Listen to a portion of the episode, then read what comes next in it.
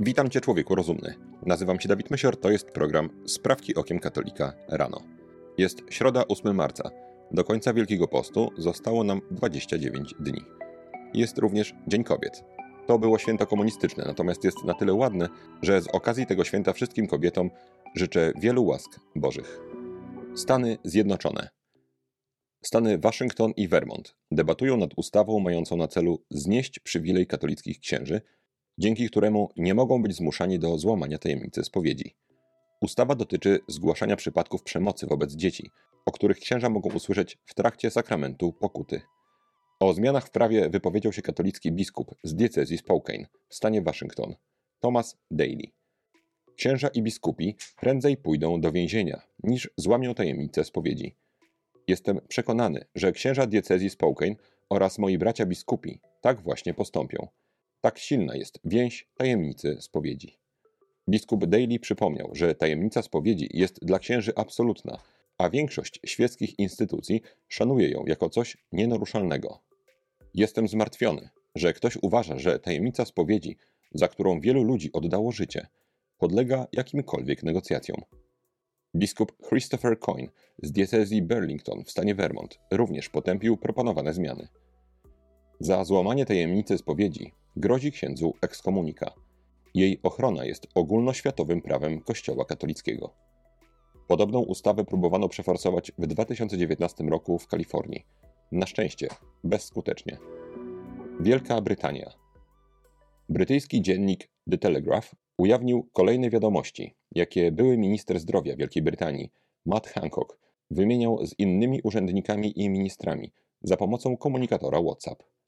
Tym razem ujawniono, że w grudniu 2020 roku Hancock wyrażał zaniepokojenie tym, że władze Londynu mogą sprzeciwić się kolejnemu lockdownowi. Jeden z doradców ocenił, iż zamiast dawać zbyt wiele sygnałów wcześniej, możemy rzucić na boisko nowy wariant. Minister Hancock w wymowny sposób przystał na tę propozycję, odpowiadając: Wystraszymy nowym wariantem tak, że wszystkim spodnie pospadają. Brytyjskie media przypominają, że dzień po tej wymianie zdań, 14 grudnia 2020 roku, minister Matt Hancock publicznie ogłosił pojawienie się nowego wariantu koronawirusa, a już kilka dni później brytyjskie władze wycofały się z planów poluzowania obostrzeń na okres Bożego Narodzenia. W ujawnionych rozmowach pojawił się również wątek testowania na COVID-19. Ówczesny minister stwierdził, iż jego zdaniem zastąpienie 14-dniowej kwarantanny możliwością wykonania testu po 5 dniach od stwierdzenia zakażenia brzmi jak ogromne rozluźnienie. Matt Hancock był ministrem zdrowia do czerwca 2021 roku. Zrezygnował, kiedy media przyłapały go na łamaniu restrykcji covidowych, które sam wprowadził. Polska. W piątek 3 marca odbyło się uroczyste otwarcie oddziału dla noworodków w jednym z krakowskich szpitali. Oddział nosi imię Wandy Półtawskiej, polskiej lekarki, działaczki pro-life, znanej z przyjaźni z papieżem Janem Pawłem II.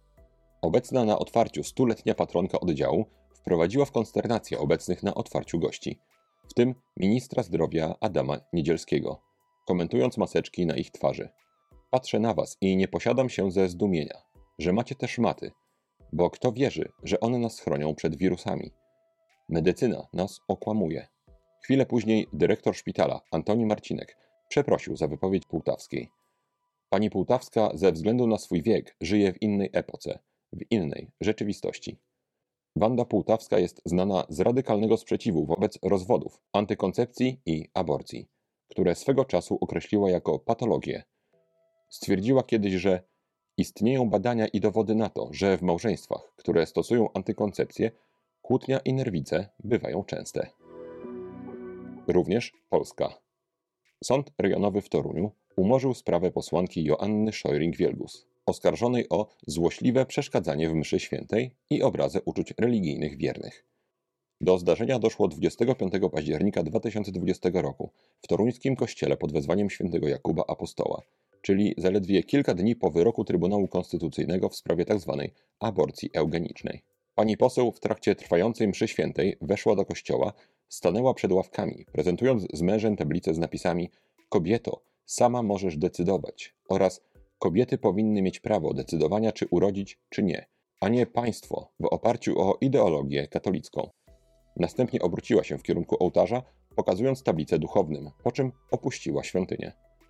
Sąd postanowił umorzyć postępowanie ze względu na brak znamion czynu zabronionego.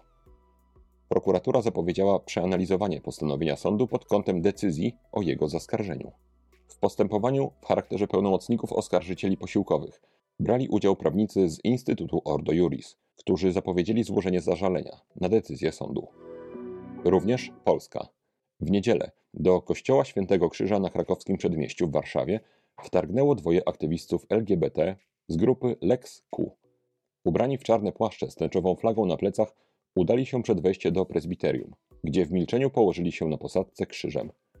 Dopiero na prośbę księdza zgodzili się opuścić świątynię.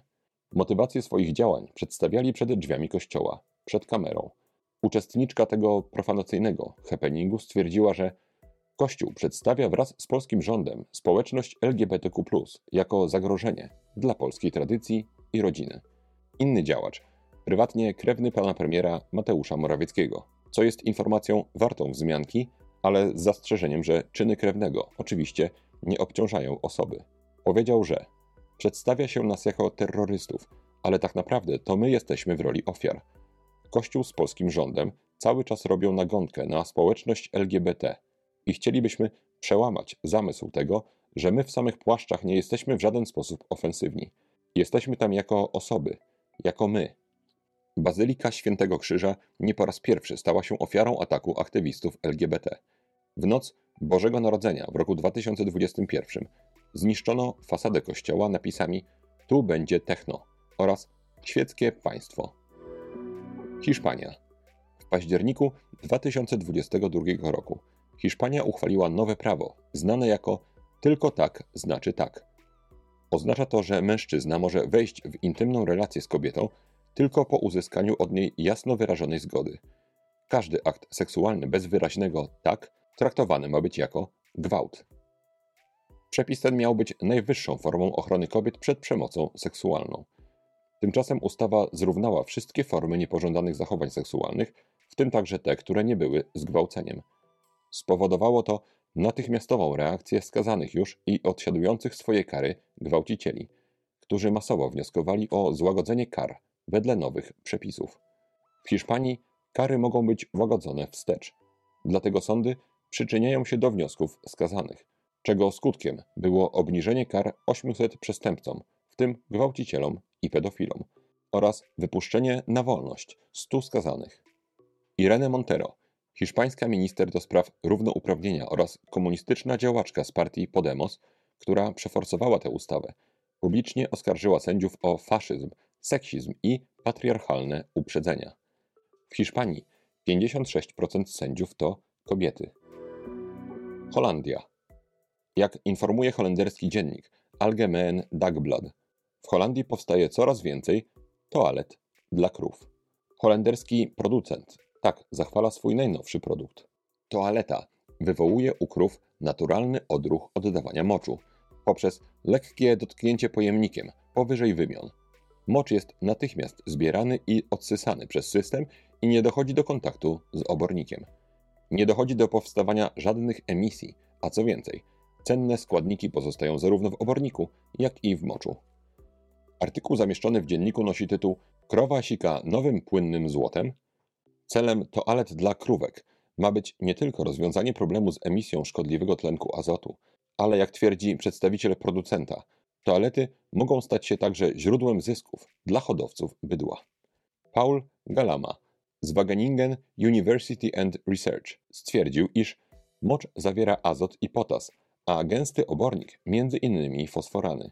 Dzięki czystemu sposobowi separacji hodowcy i rolnicy mogą nawozić w znacznie bardziej ukierunkowany sposób, co jest niewątpliwie korzystne dla środowiska. Niemcy. W sobotę 4 marca w Offenburgu w Badenii-Wirtembergii zorganizowana została demonstracja przeciwko zjazdowi lokalnej komórki partii Alternative für Deutschland w Offenburgu. Jak informują niemieckie media, 1200 osób uczestniczyło w protestach, które skończyły się starciami z policją. W policjantów rzucane były m.in. worki z farbą oraz pirotechnika. W wyniku zamieszek 53 policjantów zostało rannych.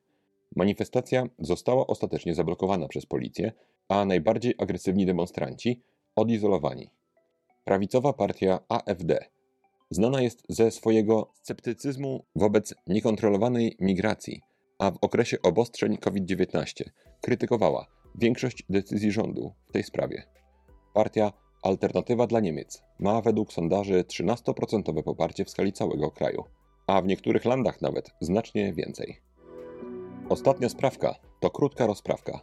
Wszyscy papieże, od Piusa VI, który był papieżem od 1775 do 1799 roku, aż do Benedykta XV, papież w okresie 1914-1922, przyczyn kryzysu w Kościele katolickim upatrywali w walce, którą w XVI wieku wypowiedział Kościołowi Świętemu protestantyzm oraz w naturalizmie, herezji, która kładzie przesadny nacisk na człowieka, naturę i siły przyrody.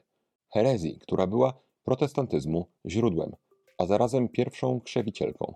Naturalizm zaciera potrzebę łaski oraz przeznaczenie człowieka do życia nadprzyrodzonego. To na dzisiaj wszystkie sprawki okiem katolika rano. Życzę błogosławionej środy i pozwolę sobie przypomnieć, że celem człowieka na tej ziemi jest Pana Boga poznawać, służyć Mu i Go wielbić, i przez to duszę swoją zbawić. Człowieku rozumny, trzymaj się, nie łam się i bardzo Ci dziękuję za Twój czas. Do usłyszenia jutro. Z Panem Bogiem.